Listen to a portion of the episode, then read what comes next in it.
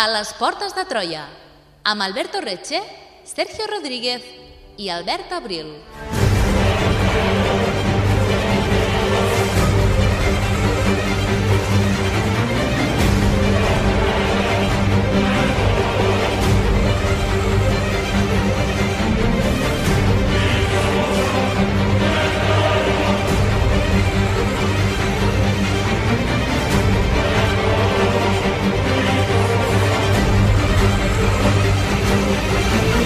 La bruixeria, les bruixes i els bruixots han acompanyat a la humanitat des de fa mil·lennis.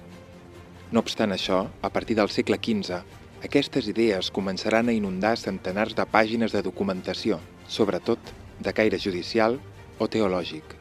De fet, la bruixeria tindrà un paper importantíssim a la societat i a la religió de tota l'edat moderna occidental. Al mateix nivell que les guerres de religió, la reforma protestant, les exploracions del segle XV i la conquesta d'Amèrica, la bruixeria és un fenomen que cada vegada més s'estudia com a fenomen històric i social. I després d'un programa introductori, avui, a les portes de Troia, parlem sobre la cacera de bruixes a Catalunya durant l'edat moderna. Què podem trobar a l'interior del Mellaus Maleficarum? Què era un caçador de bruixes? Qui orquestrava les acusacions de bruixeria? Com s'organitzava un judici per bruixeria? Benvinguts a la caça de bruixes. Benvinguts a les portes de Troia.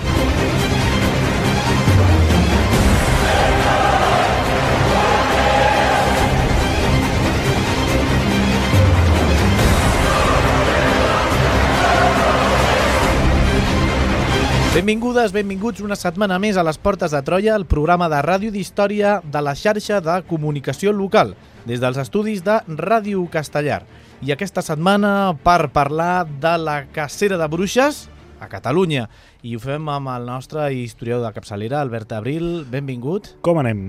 I avui tenim a, tornem a tenir amb nosaltres la Tanit Castells. Ella és doctoranda en Història de la Psiquiatria i ara ja fa uns dies o setmanes, segons el moment en què escolteu aquest programa, va venir a parlar de la història de la bruixeria. Benvinguda, Tanit. Gràcies, bona tarda. Va ser molt important la caça de bruixes a Catalunya en comparació amb la resta d'Europa? Jo crec que no ens quedem curts. És a dir, que potser no va ser tan, tan com ens imaginem doncs, a Països Baixos, no? o a Alemanya, però que tampoc estem tan a baix en el rànquing de caçeria de bruixes. Que ens n'hem parlat unes quantes. Sí. A les portes de Troia. Descobreix la teva història.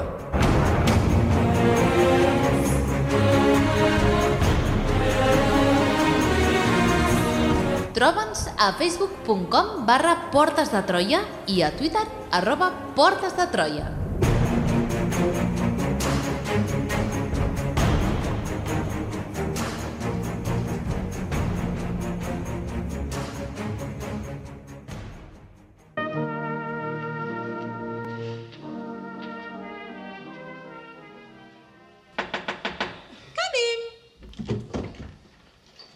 Trouble at mill.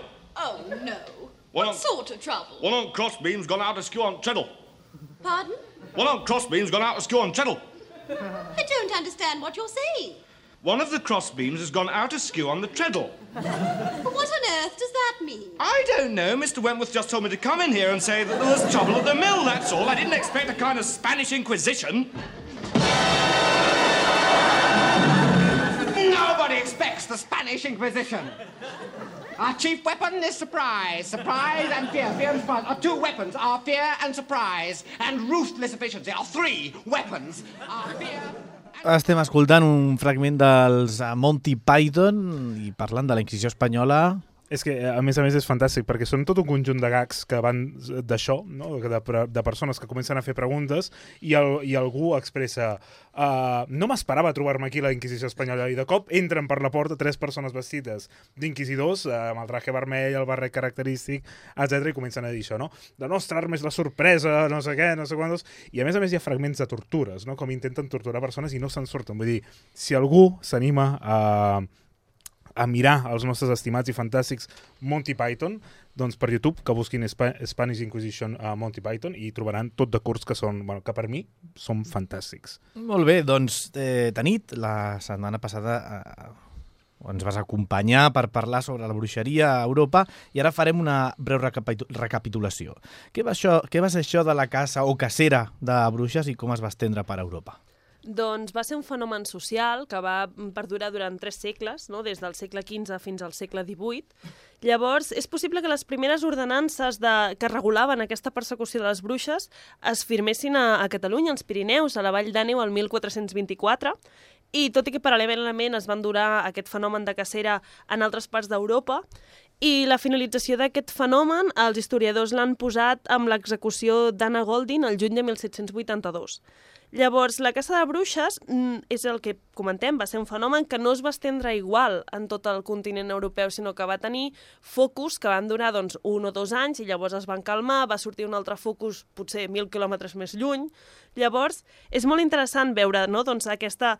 Tu ara poses un mapa i marques els punts i els segles i veus que són molt diferents en àmbits culturals també molt, molt divergents entre ells.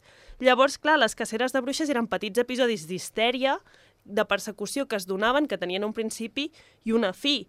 Llavors veiem com eh, inicialment al segle XV els primers episodis que es van donar van ser els Alps suïssos, el nord d'Itàlia i els Pirineus, tant a la banda catalana com a la banda francesa.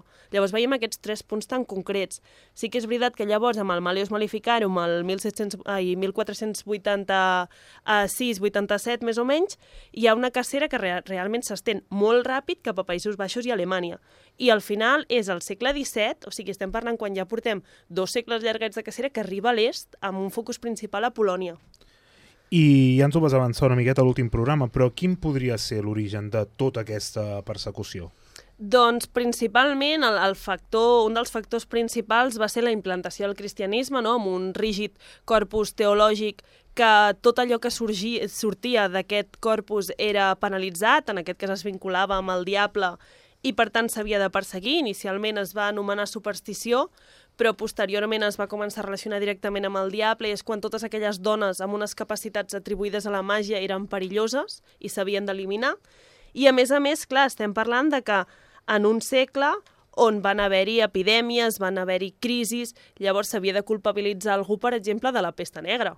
No? Qui és el, el principal um, component que porta doncs, la por, i aquesta por cap a qui redirigeix, cap a aquell doncs, més excluït socialment, com en aquest cas podien ser les dones que transgredien els límits del cristianisme. I, I, de fet, no només la pesta negra, no? sinó també localment, si hi havia una mala collita, si feia molts dies que no, que no plovia, bueno, mesos que no plovia, o hi havia un, massa pluges, o s'estaven morint nens, o hi havia una infecció i tot, i no cal o sigui, la, la pesta negra a nivell gran... molt més global, però a nivell molt, molt més local, en qualsevol tonteria d'aquestes, eh, doncs ja teníem un Una persecució. expiatori. I ja vam anar veient que tot i que hi havia intents de perseguir les bruixes, la població les continua utilitzant. Hi havia aquesta necessitat encara, oi? Sí, tenim aquesta dualitat social, no? de que per una banda tenim el cristianisme com prohibeix totes aquestes pràctiques i les persegueix fins al punt de condemnar-les a mort, però realment veiem com aquestes dones complien una funció social de curanderes, de coneixedores de, doncs, de botànica, de meteorologia, sabien doncs, eh, sabien moltíssim sobre tot, la, tot el que és la salut reproductiva de les dones, un, un tema que era molt exclòs de tot el coneixement mèdic. Llavors, clar, estem parlant d'unes dones que potser sí que tenien aquest component més màgic, però que quan tu necessitaves aquesta màgia, no? quan tu havies perdut una persona o alguna cosa, doncs aquí, aquí acudies a la bruixa que t'ajudés a localitzar-la mitjançant els seus poders màgics. I en aquell moment era igual si era perseguida o no. I aquest procés de mutació i de consolidació demoníaca eh, s'explica bàsicament amb dos factors, no? Quins serien? Doncs, en primer lloc, el que hem comentat de, de la gran epidèmia de pesta negra, no? el, el 1346 al 1348, que va crear un clima d'inseguretat, vulnerabilitat, terror en la població, no? no sabien com gestionar tot el que havia passat, una gran tensió social, desgràcia darrere desgràcia... Llavors va aparèixer la, aquesta necessitat, aquesta, uh, aquest boc expiatori no? que la societat necessitava pues, deixar, per deixar anar tota aquesta tensió social. I aquí és on es va començar a culpar de tots els mals a les bruixes, considerades in, adoradores indiscutibles del mal i, per tant, causant de totes les desgràcies. A més a més, juntament en aquest mateix context, juntament amb totes aquestes crisis, tenim el perfeccionament de l'organització de tota la doctrina catòlica, tot el dret canònic, no? amb una ràpida i potent consolidació, eh, que a més a més fa que totes les institucions eclesiàstiques s'extenguin amb una ideologia molt més intolerant, molt més misògena, molt més rígida. Llavors, tot això també el que fa és que tot el que surt de la, del dret canònic, de tot allò que és teològicament acceptat pel cristianisme, ha de ser perseguit. És una amenaça social. I aquí és un tic més no?, que li afegim a la bruixeria de són dones transgressores, per tant ja tenen més punts per ser perseguides. I a més a més, doncs, per consolidar tot aquest punt de la bruixeria es van escriure tractats, perquè tot quedés lligat i ben lligat. Sobretot a partir del, del segle XIV van proliferar una gran quantitat de tractats on es, es, es descrivia com, com perseguir-les, com jutjar-les, fins i tot com torturar-les. Uh -huh. I uh, d'aquests tractats, d'aquests processos, en destacaries algun que tingués un bon impacte a Catalunya? A Catalunya, el, jo crec que el, el més important, a part del Maleus posteriorment, va ser el Directorium Inquisitorium, escrit per Nicolau Aymeric, que va ser escrit el, bueno, publicat en el 1376, no? I Aymeric defensava primer de tot l'existència de les bruixes, no era com, no, no, jo defenso que aquestes no existeixen i que per tant s'ha de, de perseguir, perquè també era això, no, de si tu tens un testimoni que et diu que ha vist una dona volant però tens 50 que diuen que no, el tema de si existia o no existia la bruixeria va ser un debat bastant important a nivell teològic. Llavors, realment, en la gran majoria de tractats es comença amb com les bruixes existeixen. Llavors, un cop això quedava clar, es va començar a, a... Bueno, en aquest tractat es comença a parlar del seu pacte amb el dimoni i com així adquireixen els seus poders, i a més a més, eh, directament ja determina de que la bruixeria està estretament relacionat amb el sexe femení. És com tu pel simple fet de ser dona ja tens predisposició per ser bruixa. I això ja ho deixa clar des del minut zero. Llavors, a partir d'aquí, classifica els tipus de bruixeria que es poden trobar. No? Um, hi ha la bruixeria que mescla doncs, noms i pràctiques satàniques amb oracions i cultes cristians, no? en vam parlar la setmana passada sobre una dona que feia servir una Ave Maria per, fer servir, uh, per, per aconseguir una magia amorosa. Llavors, per altra banda, també tenim a la bruixeria que invoca el diable i en aquest cas podia ser imperativa, és a dir, que la bruixeria, la bruixa, perdó, ordenava al, al, al diable el que havia de fer i per l'altra podia ser imprecativa, que la bruixa suplicava ajuda al diable. Um, has de ser molt valent per, de, o sigui, parlar de manera imperativa al diable, no? obligar-lo uh, a fer alguna cosa. Uh, en fi, uh, sí que és veritat que existeixen moltíssims tractats, com ja has dit, aquest, per exemple, publicat al segle XIV, però uh, l'estrella de la sala és el Maleus Maleficarum. Uh, què, què més ens pots explicar sobre aquest llibre? Doncs jo crec que el que millor el defineix és la seva popularitat. I aquesta popularitat és que és increïble com es considera el segon llibre més venut de la història després de la Bíblia. Clar, estem parlant de que aquest llibre, entre 1486 i 1487, surt i surt al mateix moment que la impremta. Llavors, la difusió que li dona la impremta és una barbaritat. Estem parlant de que és un, és un llibre que és un best-seller durant tres segles seguits. déu nhi Sí, sí, o sigui... Llavors, clar, és un manual que va marcar un, un punt i a part no? de, de la bruixeria, el que havia estat fins aquell moment i el que va ser en un futur, de, a partir d'aquell tractat. Es va consolidar una línia d'actuació de persecució de bruixeria per tota Europa i es, o sigui, l'objectiu dels seus actors era crear un manual pas a pas que tu poguessis consultar per detectar, acusar, jutjar i matar bruixes. No? Llavors, els seus, el, els seus autors van ser Heinrich Kramer i Jacob Spenger, que el 1484, quan van publicar la primera versió del seu llibre, ja van ser nomenats inquisidors de les zones de Colònia, Salzburg, Treveris, Bremen i Magúncia. I on, allà van continuar dedicant-se al seu estudi sobre la persecució de la bruixeria. Tot i que és considerat un d'aquests, un manual primordial no? per aquesta persecució, és molt interessant veure com molts teòlegs inquisidors de la Universitat de Colònia i de les zones d'Alemanya al principi es van posicionar en contra d'aquest llibre, perquè consideraven que feien servir processos legals il·legals, o sigui, legals, que la Inquisició havia determinat que no es podia fer ús d'aquests processos en un judici i, a més a més, es considerava que les seves tortures eren massa bèsties i massa cruels.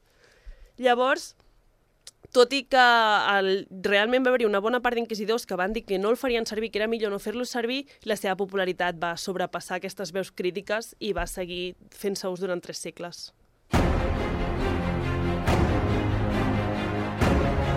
Segueix-nos a facebook.com barra Portes de Troia o a Twitter arroba Portes de Troia.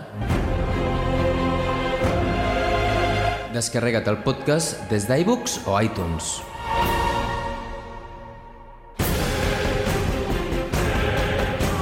I descobreix tots els continguts del programa a la nostra pàgina web www.portesdetroia.cat.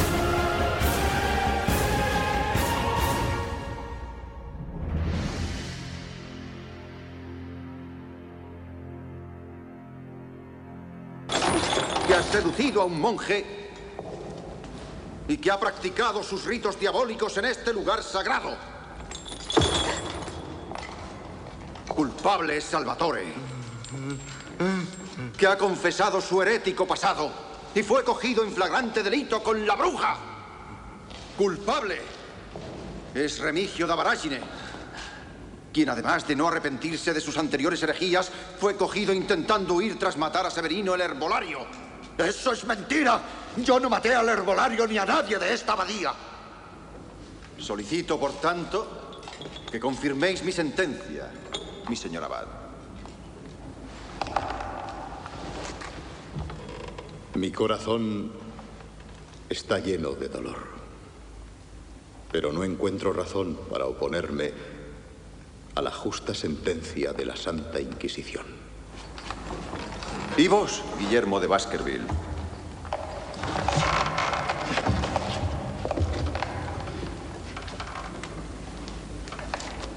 Sí. Es culpable.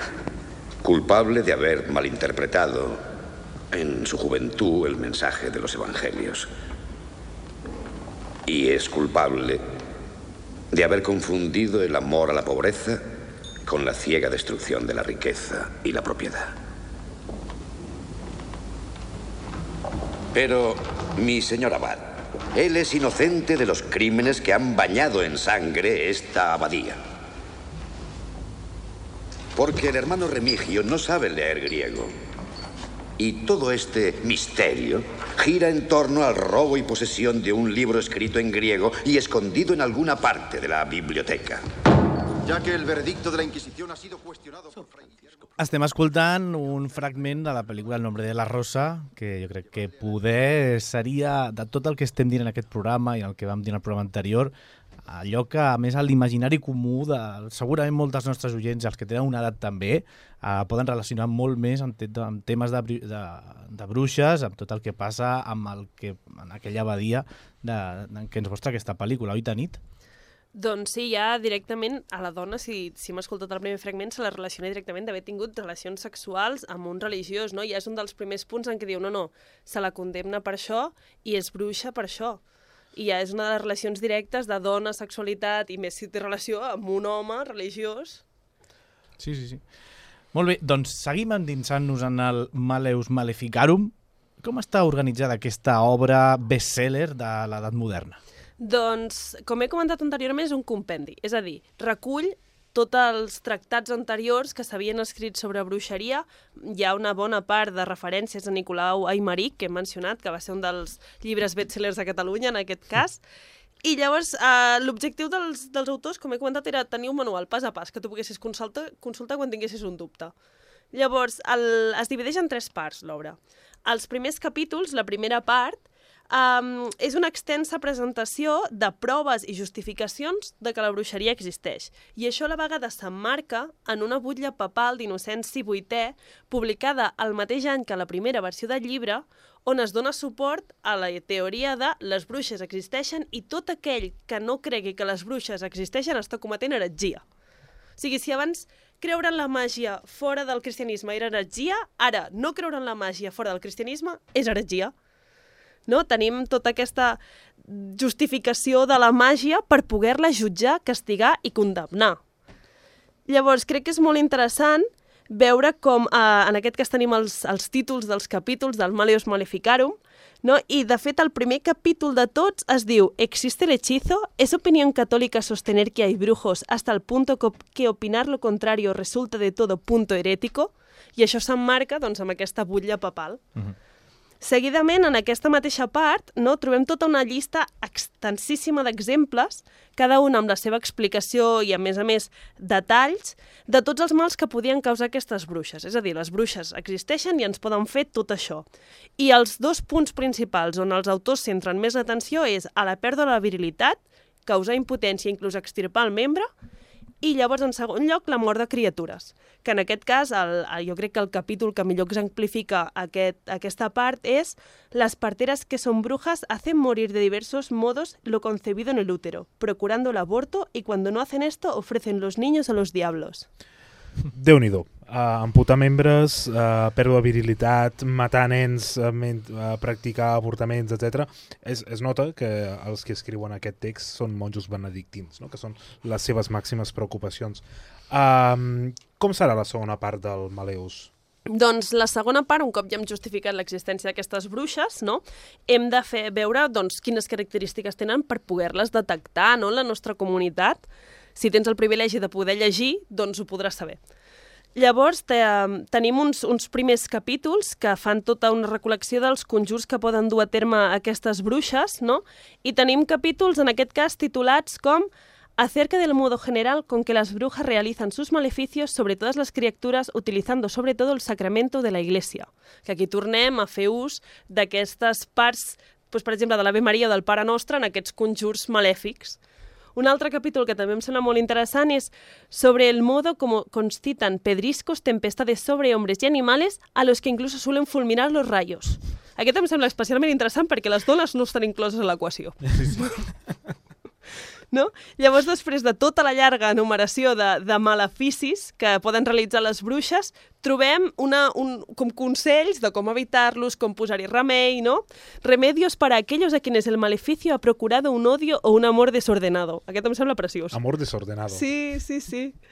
Um, acerca de los lícitos exor exorcismos de la Iglesia como remedio para cualquier enfermedad debida a maleficio, només les que són causades per maleficis. Si són un encostipat normal, no serveix.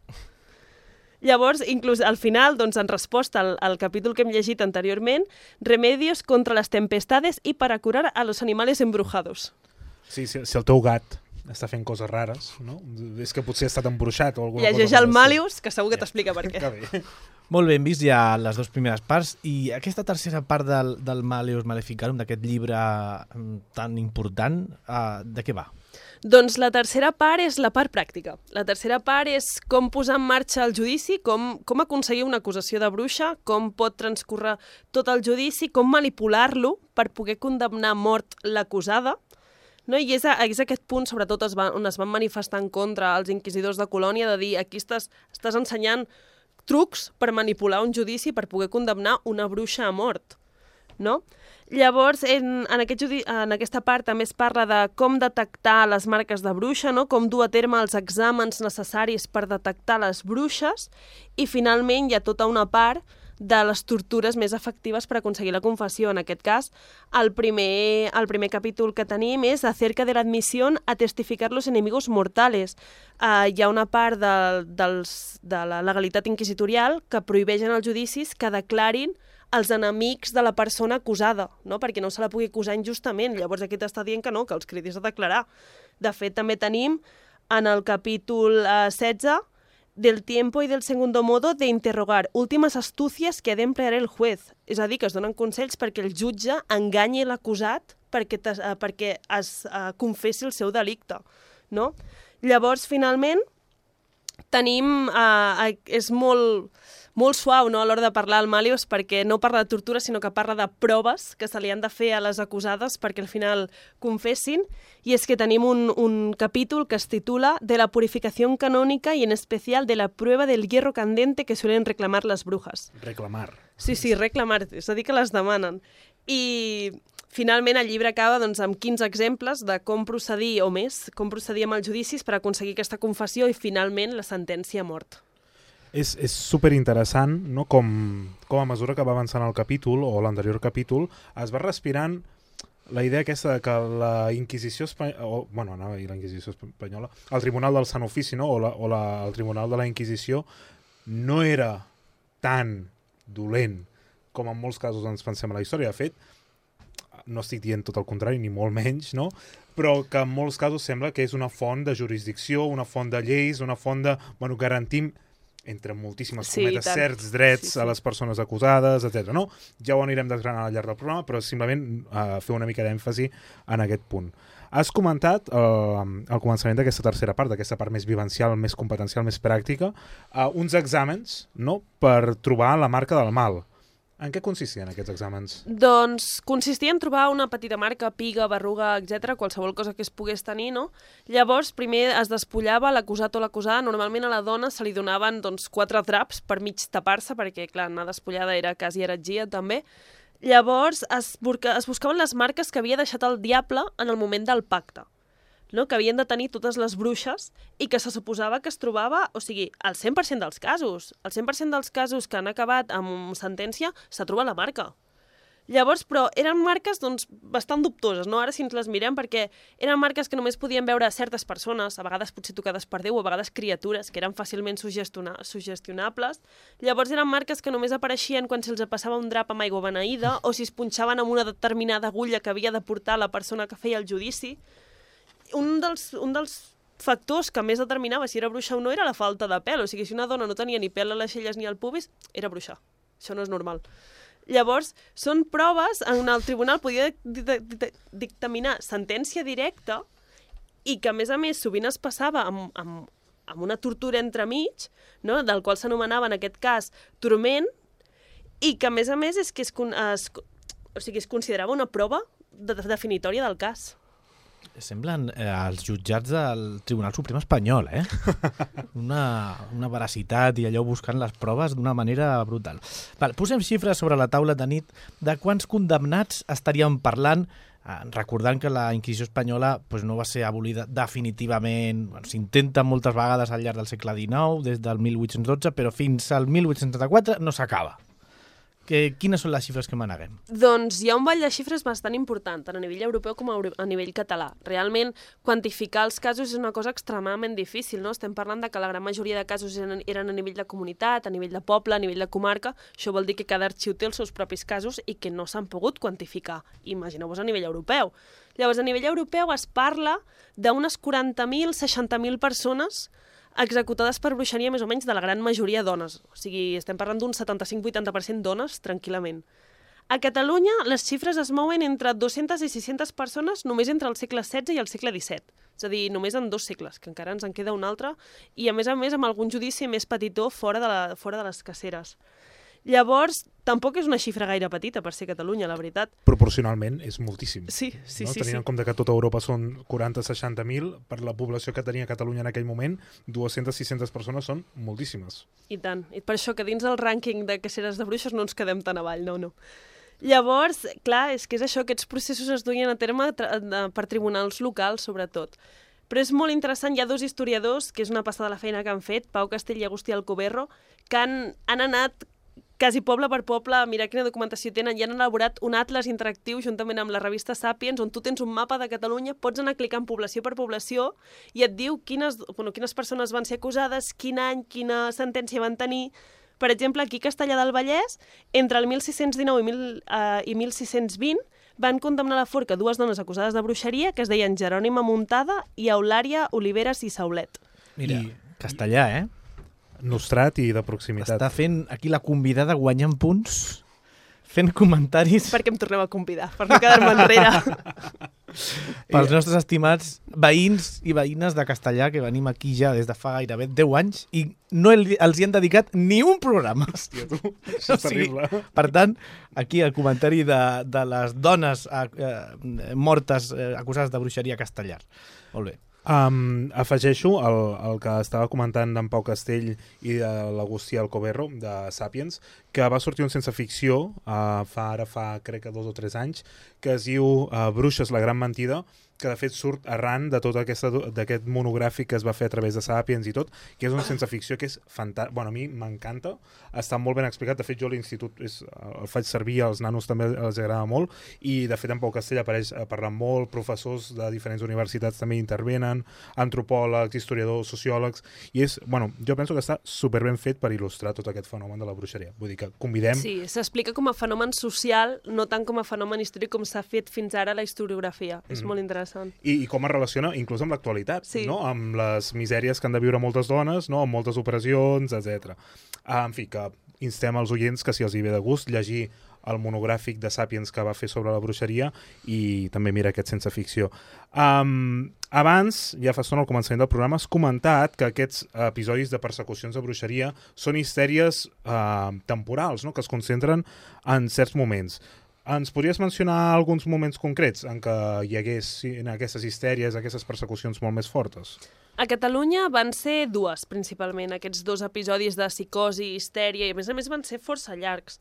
El primer va ser entre 1548 i 1549, i el segon va ser entre 1616 i 1622, i realment va acabar desembocant en una dura repressió, persecució generalitzada cap a la bruixeria amb un gran nombre de víctimes, la, com he comentat sempre, la gran majoria femenines, no? i a més a més és, el de, és aquests episodis de crisi que sempre diem, no? que donen resposta a una tensió social causada per sobretot factors relacionats amb crisis de subsistència i epidèmies. A més a més és molt interessant veure com sumat a aquests dos contextos de, de crisi i de tensió social, tenim un personatge que és clau pel desenvolupament d'aquestes caceres de bruixes i és el caçador de bruixes. Ostres, aquesta sí que...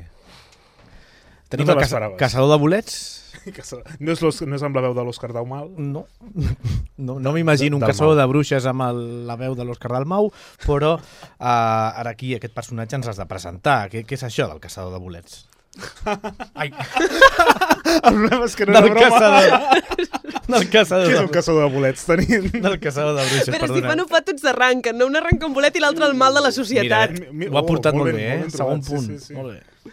Doncs habitualment eren homes no? amb un cert prestigi social i que eren especialment cridats per les autoritats locals per localitzar les bruixes dins la societat, no? per extirpar i arrencar aquest mal.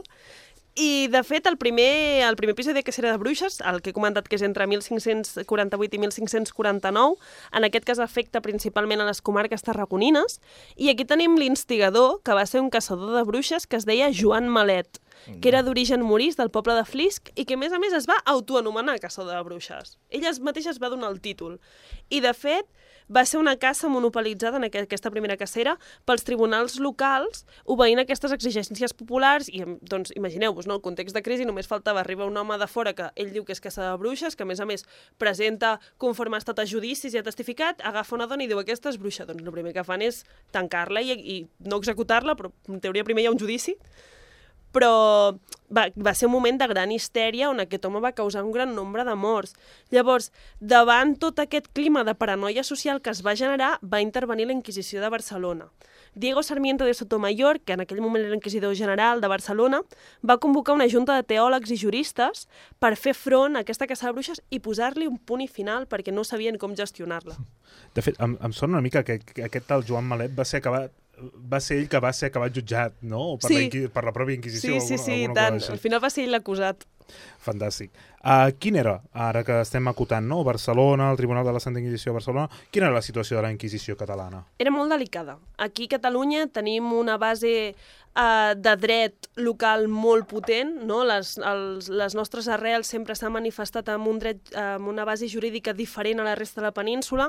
Llavors, tenim com els poders locals, municipals, la Generalitat, una nobiliària catalana molt potent i amb molt de poder polític.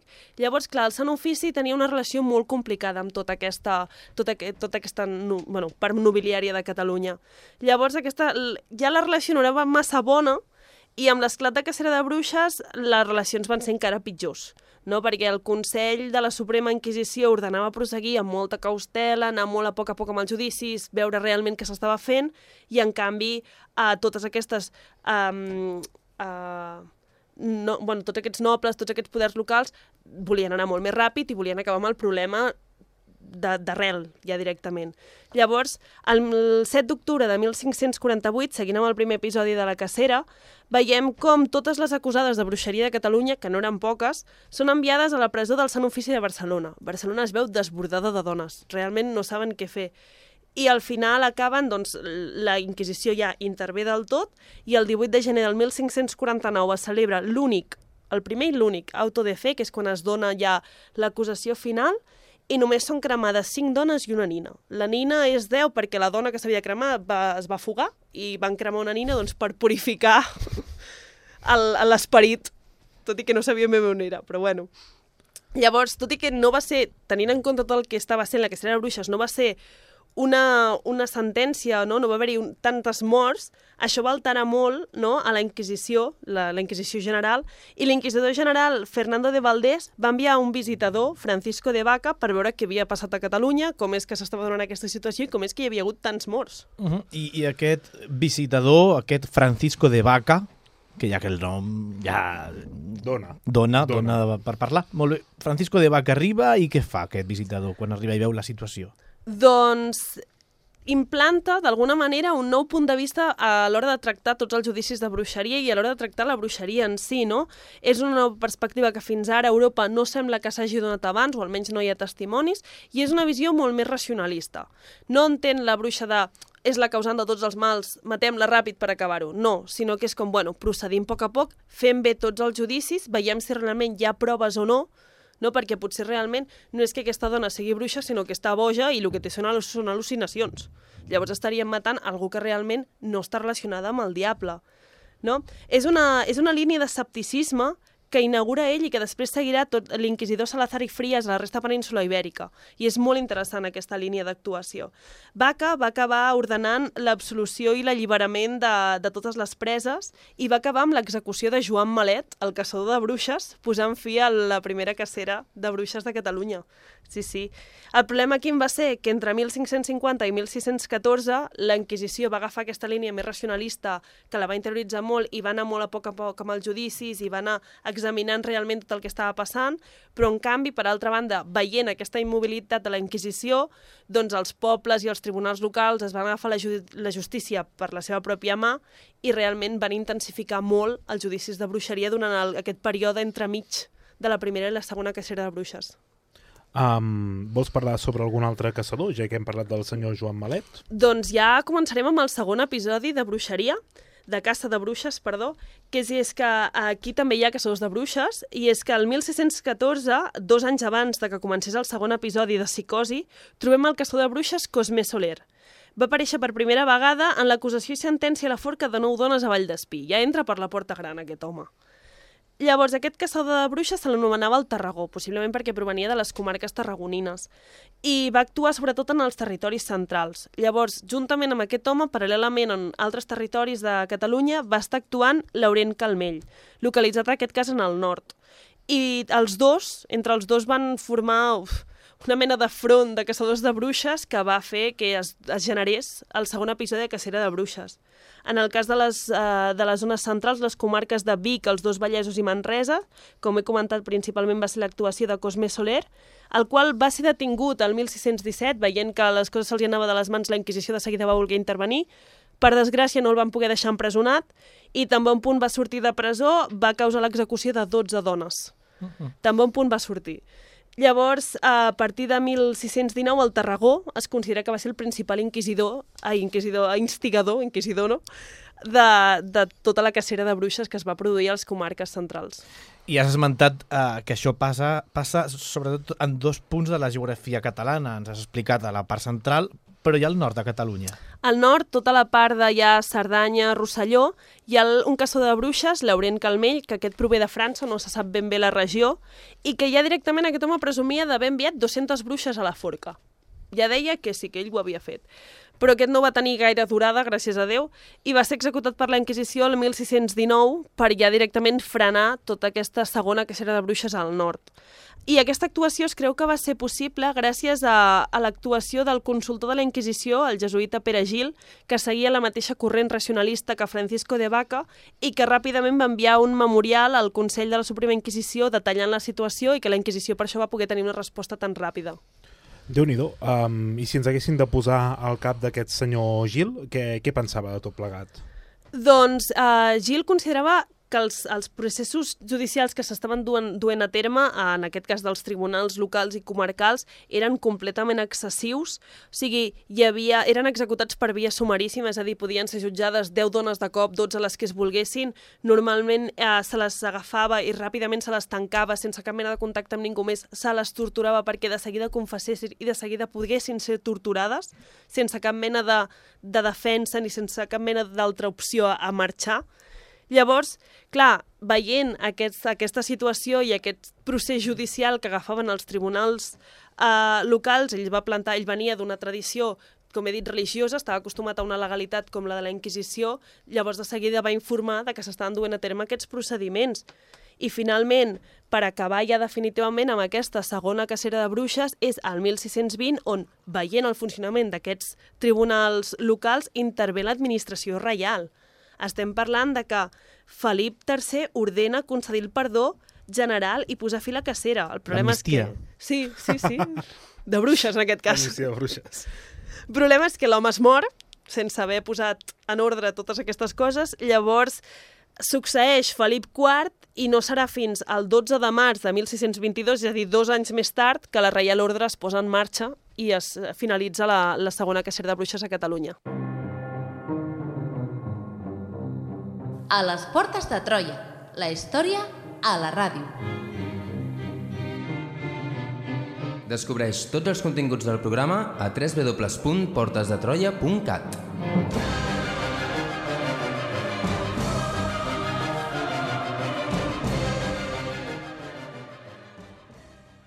Graciada. ¿Qué quieres que te diga? ¿Qué quieres que confiese? ¿O es que quieres que mienta? Quiero que digas la verdad. Que eres maestra de las brujas, que sirves al diablo y que en los sacrílegos festines que celebráis en la cueva... Dices que quieres no son- que diga la verdad. Pues escucha. Todo eso que han dicho sobre mí es mentira. Yo no adoro al diablo, ni hago ninguna de esas tonterías. Simplemente curo a los enfermos. Y también, a veces, me reúno con mis amigos en la cueva. Sí. ¿Te extraña? ¿Dónde quieres que nos reunamos? ¿Es que no hay cuevas en vuestra tierra? Aquí, hasta que llegasteis vosotros y levantasteis iglesias, siempre hemos ido a las cuevas. ¿Lo veis, Fray Miguel? Son ateos, paganos. Esa mujer es el anticristo. Calla, miserable. ¿O es que quieres que cuente las cosas que sé sobre ti? Sí. Cuando hay luna llena, vamos a la cueva. Allí hablamos. Tomamos bebidas que preparamos con hierbas de nuestros bosques. Y así pasamos las noches alegres, cantando, bailando, siguiendo las costumbres de nuestros antepasados. ¿Y qué costumbres son esas? ¿Qué costumbres anticristianas practicáis allí? Pero di la verdad. ¿Es el diablo el que preside vuestras reuniones? ¿El diablo? ¿Has visto tú alguna vez al diablo? ¿Cómo es? Yo nunca le he visto. Nunca ha ido, como tú dices, a nuestras reuniones. Entonces, ¿qué es lo que hacéis? Tampoco es cierto que retozáis como animales. No. No retozamos como animales, sino como personas. O cuando tú retozas, lo haces como un animal. O pregúntale a ese cura cómo retoza él. ¿Nunca te lo ha contado? A recta final del programa escoltant aquest fragment de la pel·li que us recomanàvem al principi del programa que l'Arre 1984 reiem perquè realment els diàlegs estan ben aconseguits i, i il·lustra molt bé la situació de la qual por- portem parlant ja en aquest segon programa dedicat a la bruixeria, en aquest cas més a, a Catalunya. Ara sí, ens atem, com dèiem, la recta final del programa.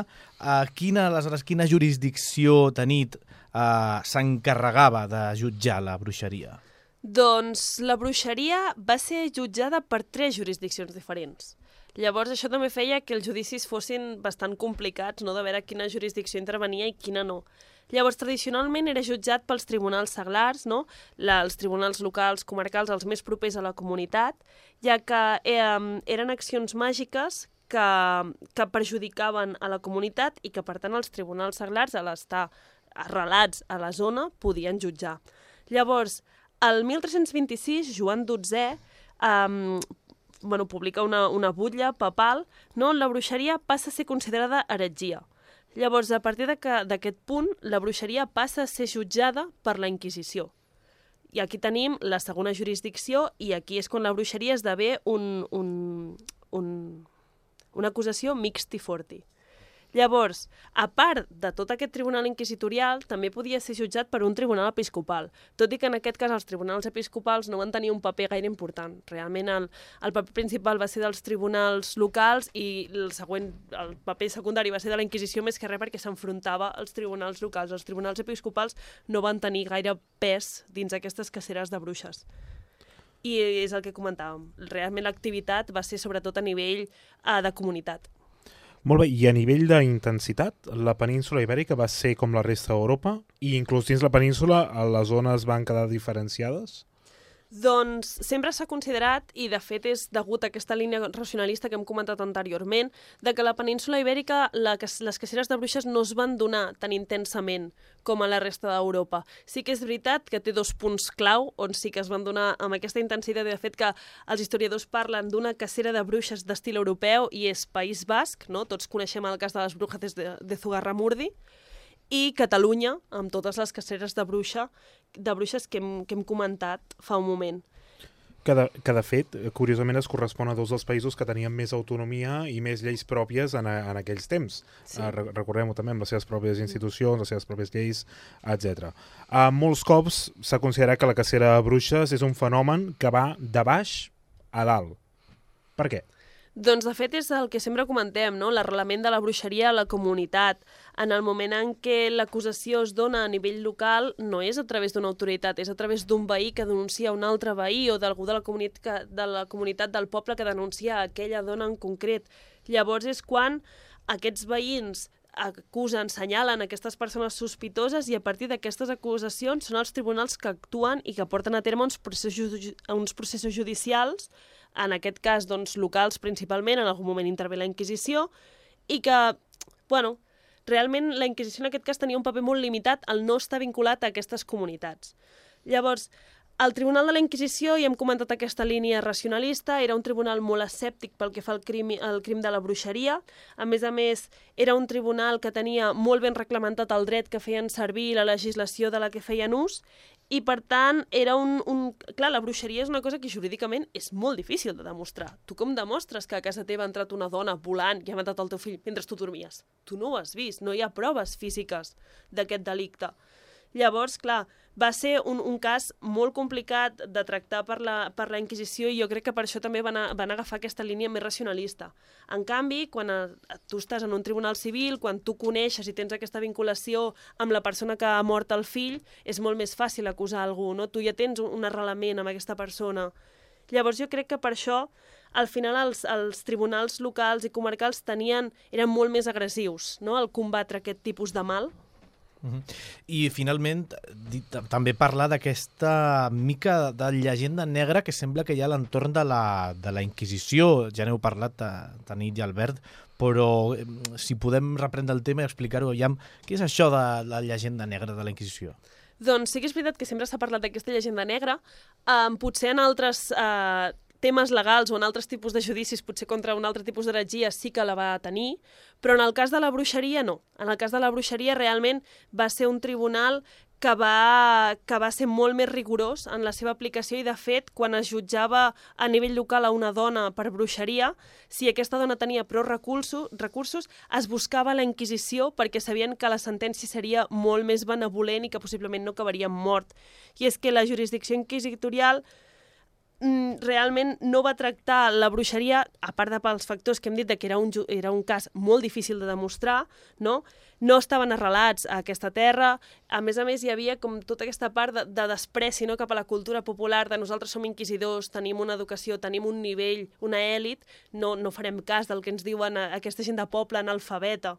Llavors, no jo crec que es negués la, la presència del dimoni, no? sinó que s'afirmava que les dones, perquè a més a més també ens estem dins un ideal completament misògin del que eren les dones, tenen la ment tan dèbil, són tan dèbils davant la presència del dimoni, que a més a més no tenen la capacitat d'autocontrolar-se, per tant es deixen seduir per tots aquests dimonis. Llavors no estem parlant de dones que voluntàriament fan servir el poder del dimoni per fer mal, sinó estem parlant de dones que involuntàriament han acabat fent mal a algú. Llavors només per això ja la pena i el delicte canviava completament.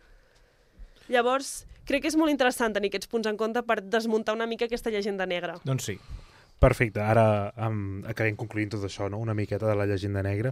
Uh, tot i que no van ser tan durs, uh, sí que van produir judicis per bruixeria, o sigui, sí que s'han produït judicis per bruixeria a la Inquisició. Ens podries explicar amb aquests, bueno, ja encarant el, gairebé al final del programa, uh, com funcionaven aquests judicis? Doncs sí que van haver-n'hi, i la veritat, els judicis inquisitorials eren força llargs i en tenim una gran quantitat de documentació, perquè al final els arxius inquisitorials són uns i es reuneix tot allà. Llavors, el primer que es necessitava era una acusació, que en aquest cas provenia de, de, bueno, de, la, de la comunitat. Vols desenvolupar una mica més, això? Tu mateixa. Doncs bueno, la majoria d'acusacions realment es condicionaven a través de la reputació d'aquesta dona dins la comunitat, no? Si ja se li assimilaven una, cert, uh, una certa vessant de coneixements que algú altre desconeixia o aquest punt màgic que a vegades no s'entenia, ja tenia més punts per ser acusada de bruixa que no pas una altra dona. És a dir, que, que l'origen de tot plegat era la fama no? d'aquella sí, persona. Sí, sí, i tant. Uh, seguim amb el procés, no? Ja tenim una, ja tenim una acusació. Suposem que una, una vegada feta uh, es cridava l'inquisidor. Què passa llavors? El primer pas, un cop els inquisidors arribaven al territori, es deia Inquisitio de Vox et Fama. És a dir, hem dit que l'acusació ve donada per la fama de la bruixa, doncs aquests inquisidors què feien? Arribaven a la localitat, veien què havia passat, veien d'on venia la denúncia, parlaven amb la comunitat de veïns, preguntaven sobre la persona acusada, i llavors s'elaborava tota una llista de sospitoses, se les detenia i se les portava a presó, on passaven doncs, tot el procés judicial dins la presó, que també formava, doncs, formava part d'aquest aïllament. I com continua tot aquest procés?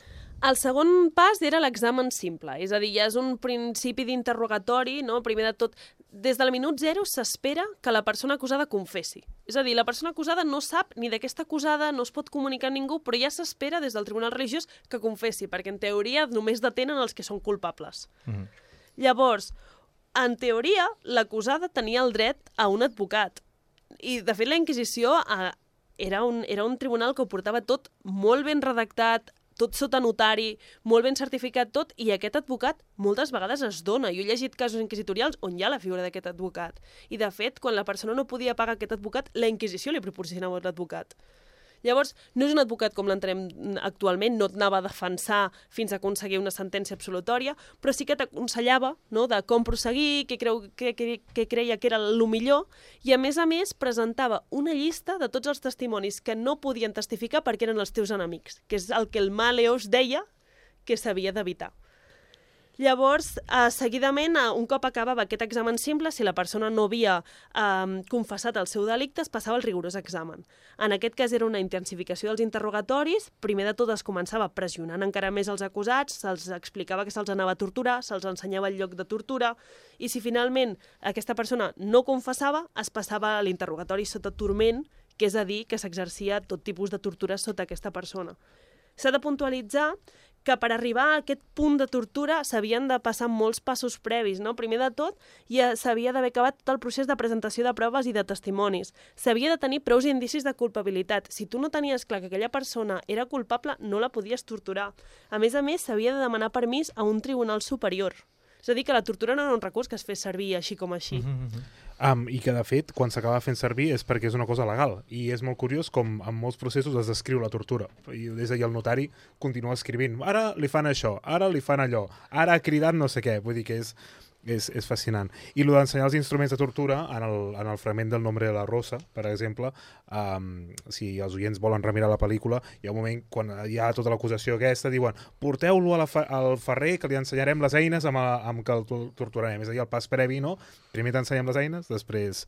Uh, en fi, després de tot això, com acaba tot el procés? Doncs un cop s'obtenia la confessió eh, amb tortura de l'acusat, es demanava que es tornés a confessar lliure de turment, és a dir, sense que l'estiguessin eh, torturant, per ratificar que ell era el, el que buscaven. Llavors es posava en marxa l'acte de fe o autor de fe, que era el moment de l'execució pública, que en el cas de la bruixeria, si era religiós, era la foguera. S'ha de puntualitzar que en la, línia, en la línia racionalista de la Inquisició, realment moltes vegades en els casos de bruixeries no superava l'examen simple i la part de l'advocat, i que llavors ja es donava una petita pena o fins i tot a vegades l'absolució. Molt bé, doncs, Tanit Castells, hem acabat. Bé, no? Sí, sí, no? ha sigut molt interessant. Molt bé, nosaltres encantadíssims. Jo penso que als nostres oients segurament els ha encantat el programa d'avui, que havia complementar el primer que vam fer sobre la història, sobre la història de la bruixeria i desitjar molta sort amb la, a la Tanit Castells amb la tesi que està realitzant, que està duent a terme i que esperem que, no sé, sí. quant temps previst En breus, en breus, jo espero amb dos anyets ja tenir-la a punt. Que sona molt, però en realitat en una tesi és molt poc. és molt poc i eh, tot aquest temps, doncs si tu vols tornar a venir aquí a les portes de Troia a explicar-nos alguna coseta que vagis investigant i que sigui... Doncs, L'actualització, us aniré fent de la- l'actualització de la tesi pas a pas. Enc encantats. Encantadíssims. Moltíssimes gràcies, Tanit Castells. Fins una altra. I tant, i tant, i tant. Moltíssimes gràcies, Albert Abril. Fins, a al, vosaltres. fins al pròxim programa. I a la tenim per venir un altre cop amb nosaltres. L'Adrià Tirado al control tècnic eh, i qui us parla, Sergio Rodríguez. I nosaltres us esperem la pròxima setmana amb un nou episodi de Les Portes de Troia.